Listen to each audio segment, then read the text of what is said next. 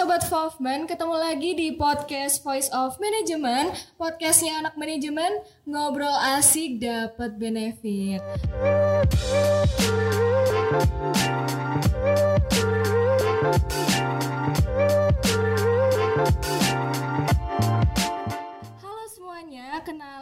Rahma Anissa Safita dari Manajemen 2021 dan di periode kali ini aku diamanahi menjadi Staff of Public Relation Department HMDM FEBUB khususnya Student Affairs Division.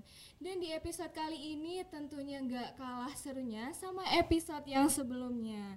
Karena di episode kali ini pastinya kita bakal ngobrol-ngobrol sama narasumber yang tentunya insightful banget. Dan pastinya Sobat Wolfman juga dapat ilmu dari narasumber kita. Oke, daripada Sobat Wolfman makin penasaran nih, langsung aja kita panggil. Halo Kak Isan. Halo Rahma. Gimana nih kabarnya Kak Isan? Dan boleh perkenalan dulu ke Sobat-Sobat Wolfman. Oke, halo Rahma dan halo teman-teman uh, Wolfman semua. Sebutannya Sobat Wolfman kan ya? Ya, Sobat Wolfman. Oke, Alhamdulillah aku hari ini uh, baik banget dan juga excited banget ya buat podcast hari ini. Dan mungkin nih teman-teman masih uh, banyak yang belum kenal aku. Uh, kenalin nama aku Muhammad Iksan Ditresna, biasa dipanggil Isan. Aku dari manajemen FEBUB angkatan 2020 dan aku juga currently sekarang uh, lagi ikut organisasi sebagai Student Affairs Manager di HMDM FEBUB. Uh, dan juga Product Marketing Associate di Student Catalyst dan juga uh, menjadi Chief Marketing and Communication di Paranovo Regen 3. Wow, keren banget. Jadi buat Sobat Wolfman yang belum tahu, Kak Isan ini adalah salah satu URDI Paragon Scholarship dan sekaligus menjadi CMO. Jadi nggak perlu diraguin lagi ya Sobat Wolfman karena Kak Isan ini keren banget. Dan jujur aku juga penasaran sama pengalaman-pengalaman Kak Isan. Kak, Isan, aku kepo banget nih gimana sih proses dan apa aja yang perlu disiapin sampai Kak Isan jadi salah satu URDI Paragon Scholarship. Oke, jadi uh, mungkin kalau ditanya tentang scholarship, mungkin aku jelasin dulu kali ya. Jadi uh, Paragon Scholarship itu merupakan beasiswa yang diberikan kepada para mahasiswa di tingkat uh, tahun yang kedua, yang mana itu mereka memberikan uh, benefit berupa financial dan juga program development nih. Nah, jadi kalau buat prosesnya itu mungkin uh, uh, long story short ya, kalau misalnya aku sih dulu aku udah coba beberapa beasiswa ya dan ya nggak mungkin aku langsung lolos kan sekali daftar langsung lolos. Nah sebelum itu aku udah daftar uh, mungkin sekitar 3 sampai 4 kali ya. Dan di percobaan yang kelima ini di mana Paragon Scholarship ini aku mencoba dan alhamdulillah lolos gitu. Nah jadi uh, buat tahapnya mungkin singkatnya kita pertama itu bakal ada uh, seleksi berkas di mana kita ngirim-ngirim berkas dan juga ngerjain esai yang dari pertanyaan yang mereka berikan. Terus kita juga yang kedua itu ada online assessment test di mana nanti nih kita harus jawab pertanyaan yang langsung real time diawasin sama Paragon Scholarship-nya secara online. Terus yang terakhir kita bakal ada sesi interview sebagai uh, tahap terakhir kita penentu juga menjadi awardee scholarship atau enggak. Gitu sih Rahma. Tahapannya lumayan banyak ya Kak, lumayan uh, panjang ya. Nah, uh, aku dengar-dengar uh, Kak Isan ini juga pernah jadi CMO ya. Nah, gimana sih uh, transisi Kak Isan dari intern terus jadi CMO? Oke, jadi kalau misalnya tadi kan kita lagi bahas beasiswa ya. Nah, jadi uh, kebetulan aku waktu itu dapat beasiswanya itu uh, mungkin beberapa bulan sebelum akhirnya aku uh, ditawarin ya jadi uh, Chief Marketing Officer di Akademis.id ini atau di startup edukasi pendidikan. Jadi ceritanya tuh gini Rahma. Jadi waktu itu tuh aku asalnya uh, intern aja kan di startup itu. Yang mana startup itu tuh sebenarnya aku juga ikut-ikutan temen aku, anak manajemen juga. Nah terus di situ aku kayak ngerasa nyaman kan. Sebenarnya aku awalnya kayak nggak pede kira-kira lolos gak ya. Apalagi aku masih mahasiswa semester 2 nih kayak emang punya apa nih bisa buat ikut magang kan. Aku tuh awalnya kayak gitu kan. Terus waktu udah aku coba nih aku coba daftar aja kayak nothing tulus lah. Uh, kalau misalnya gagal ya udah nggak apa-apa. Kalau misalnya aku lolos ya alhamdulillah. Terus waktu ada pengumuman tuh aku lolos. Uh, waktu itu aku magang sebagai CEO analyst atau disebut dengan Chief Operating Officer Analyst di mana itu aku punya tugas untuk ngebantuin Chief Operating Officer dari startup itu untuk ngebantu nganalisis berbagai hal terkait dari marketing, teknologi dan juga operation dari uh, mereka. Nah, cuman waktu pembagiannya itu waktu itu aku kebagian di marketingnya di mana emang aku emang tertarik marketing kan jadi aku senang banget juga waktu uh, jadi intern di sana Nah, uh, long story short juga uh, di intro ini tuh aku ngerasa belajar banyak banget ya Rahma kayak banyak banget baik dari project, uh, project management, belajar dari marketing, analisis konten, uh, insight dan lain-lainnya yang mana aku rasa tuh aku gak bisa dapetin itu di tempat lain gitu. Dan long story short juga waktu project terakhir aku senang juga karena waktu itu aku ditawarin dan juga dipercaya untuk jadi uh, tim leader dari marketing project di SEO analysis itu. Terus di situ aku kayak ngerasa karena udah dikasih kepercayaan ya udah aku maksimal aja kan. Akhirnya aku ngasih inovasi berupa namanya mastering with academics.id long story short di situ juga waktu kita udah graduation dari intern itu uh, gak lama dua bulan nih aku kan bener-bener gak ada niatan buat lanjut kan. Aku kayak ya udah udah belajar di akademis gitu terus tiba-tiba nih waktu udah dua bulan ini aku kaget banget uh, ternyata aku dihubungin lagi sama uh, pemimpin dari tim aku yang dulu uh, dari CEO-nya itu. Chief Operating Officer itu aku ditawarin kalau misalnya aku uh, dipercaya dan juga uh, diajakin untuk jadi Chief Marketing Officer di Academics.id itu. Dan itu jujur Rahma aku kaget banget. Itu aku benar-benar shock yang kayak ini beneran gak sih ini dari intern tiba-tiba jadi uh, Chief Marketing Officer? Yang mana intern tuh kita masih jauh banget kan kan biasa kan kalau misalnya struktur itu dari magang uh, ke staff, ke manager, ke direktur atau chief ya. Nah itu aku kayak loncatnya tuh jauh banget kan ya Rahma. Jauh gak sih? Jauh banget sih kak. Jauh banget ya. Itu bener-bener kaget sih aku jadi ini aku bisa nggak ya dan waktu itu aku sebenarnya masih ragu kan aku nanya ke kakak aku, aku nanya ke teman-teman aku kayak kira-kira ini uh, gila nggak sih? Terus kata mereka tuh emang gila kan? Ya emang gila sih tapi menurut mereka kayak ini bener-bener kesempatan yang uh, menurut mereka tuh dan menurut aku juga ini kesempatan yang nggak bisa didapetin sama semua orang gitu tiba-tiba dari magang dipercaya jadi shift itu benar-benar suatu apa ya chance yang nggak bakal datang dua kali gitu akhirnya setelah aku pikir panjang akhirnya aku uh, ya udah aku memutuskan buat coba uh, apa namanya aku nerima tawaran dari uh, pemimpin aku yang dulu itu Terus akhirnya kita telepon ngebahas tentang persuratan kayak misalnya perjanjian kerja di mana aku harus kerja di sana dan juga um, apa ya disebut-sebutnya surat kerja kalau yang mana aku harus berkomitmen selama satu tahun. Dan lebih kagetnya lagi tuh waktu menantangnya itu waktu selama aku jadi intern kan aku uh, cuman ngerjain apa yang disuruh ya sama pemimpin aku. Sekarang aku harus mimpin 4 managers dan juga 34 staff yang mana itu gila banget Rahma kayak iya wow. jadi gak kebayang banget dan emang shock banget pastinya. Jadi ya dari situ aku emang adaptasi banyak banget dan jujur emang pressure itu tinggi banget ya. Aku kalau boleh jujur dulu selama kuliah aku lebih pressure di akademis itu daripada di kuliah karena emang targetnya dan juga uh, deadline dan lainnya tuh benar-benar apa ya emang uh, sangat bikin pressure tapi juga aku senang karena itu uh, aku anggap sebagai challenge uh, buat berkembang gitu. Terus ya udah, aku tuh uh, dari situ aku mimpin empat manajer tadi, yang mana bahkan manajer tuh lebih tua dari aku dan juga mereka semua tuh dari universitas yang beragam gitu. Jadi aku belajar banyak banget selama jadi CMO itu. Aku belajar cara kerja sama orang yang diverse, yang benar-benar berbeda. Aku belajar memimpin gak lihat dari uh, umur atau misal dari gender ataupun apa pun. Aku benar kalau yang lihat dari uh, kinerjanya dianya aja. Terus aku juga uh, berasa time management aku jauh lebih baik setelah jadi CMO ini. Gitu sih Rahma kurang lebih. Oke, transisinya lumayan sebenarnya Kaisan tuh kaget ya, unexpected moment banget dari intern tiba-tiba jadi CEO. Iya bener banget, kaget banget sih. Kalau aku boleh tahu nih kak, hambatan ketika jadi CMO kan tadi Kaisan bilang itu unexpected moment ya, Kaisan hmm. kaget gitu. Apa sih hambatan-hambatan jadi seorang CMO? Oke, yang pastinya dengan terlepas benefit dari menjadi um, seorang CMO itu pasti ada hambatannya juga ya. Yang mungkin kurang lebih aku sebutin tadi. Uh, itu yang pertama uh, hambatannya itu aku ngerasa aku masih belum sequalified itu untuk jadi si marketing officer. Cuman solusinya ya itu tadi aku langsung coba adaptasi besar-besaran. Aku bener-bener belajar kayak tentang strategi marketing, marketing uh, buat startup yang kayak gitu-gitu soalnya aku kayak pengen nunjukin kalau misalnya ini aku walaupun aku masih semester 2 atau 3 tuh aku qualified gitu aku nggak mau ngecewain udah orang yang percaya sama aku dan juga mau nggak mau ngecewain tim aku. Terus uh, hambatan yang kedua tuh mungkin dari segi waktu ya karena aku yang CMO tadi aku harus ngulangin waktu banyak banget. Kalau misalnya rapat divisi, rapat marketing secara keseluruhan dan juga rapat dari BOD atau uh, boardnya. Aku inget banget uh, waktu jadi CMO itu aku harus ngeluangin waktu mungkin seminggu 3 sampai 4 kali rapat, belum belum lagi ditambah dari organisasi di kampus ya. Di mana aku ikutin yaitu HMDM FEBUB itu benar-benar apa ya aku benar-benar kayak aduh ini kalau time management aku jelek udah pasti aku bakal ngasih impact yang buruk gak ke aku doang tapi ke uh, tiap organisasi atau kerjaan yang aku ikutin gitu jadi ya udah sih aku ngerasa hambatan di time management waktu itu Terus yang ketiga mungkin lebih ke gimana sih sebagai pemimpin itu bisa bersikap adil kayak gitu. Itu sih ramah hambatannya. Oke, hambatannya lumayan banyak ya kak. Aku lihat-lihat. Mm-mm. eh kalau eh, apa sih yang Kak Isan dapat gitu? Ketika Kak Isan jadi si CMO atau ketika Kak Isan jadi intern dibalik dari hambatan-hambatan yang banyak itu?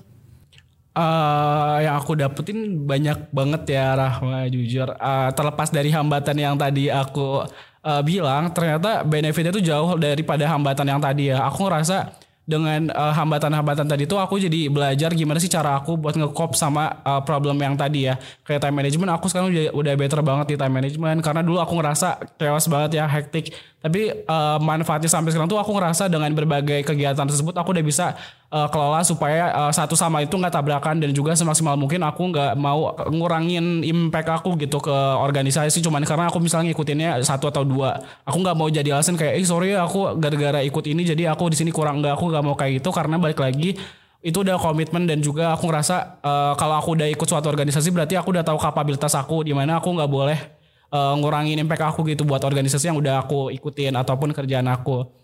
Terus eh, benefitnya lagi mungkin di ini sih ya di CV ya. Menurut aku kalau ada tulisan CV marketing ini aku ngerasa itu benar-benar ngeboost banget eh, apa ya CV aku eh, di mana eh, kesempatan kayak gini kan nggak bisa didapetin sama semua orang kan. Aku ngerasa kalau misalnya itu hoki juga gitu. Dan juga aku rasa emang efek juga kalau misalkan kita udah mencoba buat maksimal gitu dan apa ya ya aku inget banget sih waktu magang tuh emang aku karena aku nganggap kayak itu beneran udah kayak magang di uh, company yang bener-bener company ya udah aku bener-bener maksimal kan. Dan aku tuh selalu percaya kalau misalnya kita ngasih effort lebih itu pasti bakal ada balasannya either itu dari emang orang ataupun dari Tuhan kayak gitu. Kayak gitu sih sebenarnya kalau misalnya dari aku. Sebenarnya eh, apa yang didapat itu sebenarnya worth it ya kak. Dari Iya. dari hambatan-hambatan yang banyak pun yang didapat juga banyak gitu. Nah aku lihat-lihat ini Kaisan kan juga sibuk banget kan karena aku juga tahu Kaisan ini manajer aku ya. Eh, gimana sih cara Kaisan wak- eh, ngatur waktu kuliah, organisasi dan kerja kakak apalagi di saat hektik-hektik kayak gini. Nah gimana sih cara kakak untuk memprioritaskan dan bisa nggak di-share ke teman-teman sobat Wolfman? Oke oke. Oke mungkin kalau ditanya buat ngatur waktu dan juga prioritas mungkin sedikit uh, background aja. Buat sekarang ini aku udah nggak sebagai chief marketing officer di akademis.id lagi. Tapi aku sekarang udah uh, ngikutin tiga organisasi aja. Itu yang pertama dari HMDM FBUB di mana aku uh, diamanahin sebagai uh, student affairs manager. Terus yang kedua aku juga kemarin baru banget dapat dan dipercaya buat jadi product marketing associate di Student Catalyst. Terus yang ketiga ini aku sekarang uh, lagi jadi Chief Marketing and Communication di Paranova Origin 3. Nah, tapi aku ngerasa kalau misalkan time management itu nggak beda jauh sama waktu aku dulu uh, selama jadi intern dan juga CMO di akademis itu ya. Yang pertama aku ngukur kapabilitas dulu karena kan tiap orang kapabilitasnya beda-beda ya. Dan juga kegiatannya juga beda-beda gitu. Mungkin ada yang emang uh, dia kuliah, ada kegiatan kuliah terus harus kerja, terus harus part time dan lain-lainnya makanya dia nggak bisa ikut organisasi. Atau ada juga yang mungkin yang emang dia tuh lebih tertarik ke lomba, uh, kuliah dan lainnya. Nah, kalau misalnya dari aku sendiri eh, apa pun itu kalau aku lebih tahu dulu eh, karena tanggung jawab aku ke orang tua itu kuliah aku harus eh, utamain kuliah dulu ya yang pasti. Aku eh, mikir jangan sampai nilai aku kuliah. Pokoknya kalau misalnya aku nilai aku apa ya nurun ataupun berkurang tuh aku bakal ngerasa bersalah dan aku malah bakal ngerasa impact aku ke organisasi itu kurang. Karena aku ngerasa kayak tanggung jawab utama aku tuh gak dikerjain gitu. Cuman balik lagi kalau aku eh, keep in mind kayak kuliahnya aman uh, nilai-nilai tetap aman tuh aku pasti bakal ngerasa di organisasi itu aku bakal lebih berimpact karena aku udah tenang gitu. Oh yang penting kuliah aku tuh udah aman gitu. Tanggung jawab aku untuk orang tua aku udah beres. Sisanya itu tanggung jawab buat aku dan juga orang lain. Terus udah gitu juga buat time management sama organisasi aku tuh aku sering pakai Notion sih. Ama tahu Notion gak sih? Tahu, tahu Notion. Tahu ya, yang mana yang biasa dipakai rapat juga gitu. Ataupun eh, buat ngatur task management dan lain-lainnya. Nah, itu aku pakai itu dari semester 1 kuliah. Eh, di mana aku eh, kadang nih kalau kuliah aku nyatet di situ notes dari tiap matkul dan juga kadang enggak. Terus di situ juga aku eh, nyantumin tiap notes dari organisasi, misalnya aku dari HMDM aku punya to do list apa ataupun kayak evaluasi apa itu aku selalu tulis di situ dan juga nggak beda jauh kayak student catalyst, akademis dan lain itu aku pasti selalu catat gitu sehingga aku nggak lupa sama yang harus aku kerjain karena balik lagi yang tadi kan aku ngikutin berbagai organisasi beberapa organisasi terus yang ketiga ya eh, tahu eh, prioritas gitu sih. Jangan sampai hal hal yang harusnya kamu prioritasin malah nggak dikerjain gitu. Hal yang urgent dan important itu malah kamu lewatin sedangkan yang enggak yang kurang penting dan juga enggak urgent tuh malah kamu kerjain. Jadi uh, kayak gitu sih paling kalau dari aku Rama sama mungkin uh, terakhir ini sih banyak-banyakin mencoba kegiatan di luar juga. Karena semakin aku yang aku percaya dan aku rasain semakin kita coba-coba ikut organisasi di mana kan mereka pasti ada uh, kita kan ngasih spare time waktu ya buat mereka buat ada rapat buat uh, ketemu. Nah itu tuh ngelatih kita buat mikirin gimana ya supaya ngatur waktu supaya nggak tabrakan dan juga uh, tepat gitu. Kayak gitu sih Rahma. Nah, buat sobat Wolfman bisa nih ditiru caranya Kak Isan untuk mengatur waktunya biar nggak keteteran ya Kak ya. Iya, bener bener boleh boleh. Uh, selanjutnya aku pengen tahu deh motivasi dan harapan Kak Isan untuk ke depannya. Oke, oke motivasi buat aku atau buat sobat Fofman juga nih Rahma? Dua-duanya boleh kak. Oke, mungkin buat aku dulu kali ya. Mungkin motivasi dan harapan aku buat diri aku sendiri nih. Uh, semoga aku kan ini ya, aku tuh kayak selalu memegang teguh kalau misalkan kita uh, sebisa mungkin memberikan hal yang positif entah ke diri kita ataupun ke orang lain. Terus aku juga selalu percaya kalau misalkan kita ngebantu orang lain tuh sama aja kayak kita ngebantu diri sendiri. Di mana aku tuh udah ngerasain berbagai hal ya misalnya ya kayak tadi uh, aku ngerjain sesuatu yang mungkin harusnya itu bukan job desk aku ya misalnya. Sebenarnya itu uh, kalau keseringan nggak baik ya karena berarti misalnya teman kita terlalu uh, apa nggak backup backup terus kan. Aku tahu kapan aku nggak harus ngebantu dan kapan juga enggak gitu. Nah aku ngerasa kalau misalnya udah ngebantu tuh ngerasa kayak aku tuh ngerasa lebih dimudahin gitu sih. Entah kenapa walaupun aku misalnya ngebantunya si A tapi tiba-tiba tuh ada orang juga yang nolong aku dari orang lain. Makanya aku selalu percaya kalau misalnya kita ngebantu diri kita atau ngebantu orang lain tuh kita sama aja kayak nolong diri kita sendiri. Terus kita juga aku juga selalu pengen buat share positif ke orang lain karena menurut aku di dunia ini tuh udah banyak hal yang negatif dan juga positif. Cuman menurut aku dengan kita nambah hal-hal yang positif itu kita bisa ngasih impact gak buat diri kita doang tapi juga buat orang lain gitu di mana mereka juga bakal nyaman sama kita dan juga eh, nggak ngerasa risih dengan adanya kita terus uh, mungkin ini kali ya harapan buat sobat Fopman ya. Mungkin dari aku sih ini aja sih buat teman-teman semua nih. Mungkin nih uh, sobat sobat sobat Fopman ada yang dari anak manajemen ada yang dari jurusan lain yang misalnya akuntansi. Mungkin ada juga nih ada dari FISIP uh, apa ya Philcom dan lainnya yang dengar uh, Fopman ini Uh, mungkin dari aku sarannya kalau teman-teman mau coba ikut organisasi atau mungkin mau belajar tentang time management ataupun kayak masih mikir perlu nggak sih aku ikut organisasi? Menurut aku jawabannya itu lebih lihat ke teman-teman semua. Ada nih orang yang suka organisasi tapi dia nggak suka lomba. Ada juga yang suka ikut lomba tapi dia nggak tertarik di organisasi. Tapi balik lagi yang mau aku ingetin, semuanya itu tentang gimana cara kita itu bisa ngasih impact ke apa yang kita lakuin. Jadi no matter kalian ikut apa tuh, kalau kalian gak maksimal dan juga kalian gak ngasih apa-apa tuh, kalau menurut aku ya ya udah kayak sama aja bohong gitu. Jadi kalau kalian ikut lomba itu it's okay, berarti kalian udah coba uh, ngasih impact buat uh, kalian sendiri di mana kalian harus belajar dan juga research deeper kan tentang lombanya terus kalau organisasi mungkin kalian bekerja sama tim yang mana nanti juga di perusahaan bakal banget kepake itu dan juga uh, mungkin dari aku ini semoga bisa diambil aja ya apa yang uh, positifnya aja dan juga jangan yang negatifnya. Dan juga yang terakhir jangan sampai teman-teman uh, ngelakuin hal yang disebut dengan toxic productivity nih. Aku pernah denger nih uh, dari podcastnya Voice of Management di mana mereka juga bahas tentang uh, toxic productivity ya. Itu uh, waktu aku dulu kayak setuju banget sih. Jadi mungkin nih teman-teman abis ini mungkin boleh sambil dengerin itu juga ya Rahma abis ini. Betul bisa langsung dengerin di episode yang toxic productivity. Iya benar banget. Jadi uh, aku tuh sebelum ke podcast itu aku udah dengerin podcast itu juga dan aku juga setuju banget sih sama apa yang nyampe di sana. Ya paling gitu sih Rahma uh, harapan buat aku dan juga buat sobat-sobat Wolfman. Aku setuju banget sih kak sama tadi Kak Isan yang bilang kalau kita nolong orang lain itu sama aja kayak kita nolong diri sendiri tuh aku setuju banget sih. Oke, mungkin pertanyaan tadi menjadi pertanyaan terakhir dan sekaligus jadi penutup bincang-bincang seru kita kali ini Sobat Wolfman. Tapi jangan sedih karena tentunya akan ada episode selanjutnya yang akan membahas topik seru lainnya. Sebelumnya aku juga mengucapkan banyak-banyak terima kasih ke Kak Isan karena mau menyempatkan waktu untuk sharing dan berbagi ilmunya di tengah kesibukan Kak Isan sekarang. Oke, makasih juga ya Rahma dan teman-teman uh, Wolfman semua. Ya, jujur nih ya Kak, banyak banget ilmu yang aku dapat dari Kak Isan dan pastinya bermanfaat banget buat aku dan sobat Fofman di sini yang mendengarkan. Sekali lagi thank you Kak Isan. Oke, okay, thank you juga Rahma. Thank you kak. Oke, aku mau ingetin lagi nih buat sobat Volvman jangan lupa follow and stay tune terus di Spotify Voice of Management karena akan ada obrolan seru lainnya yang pastinya akan sayang banget nih kalau sobat Volvman kelewatan.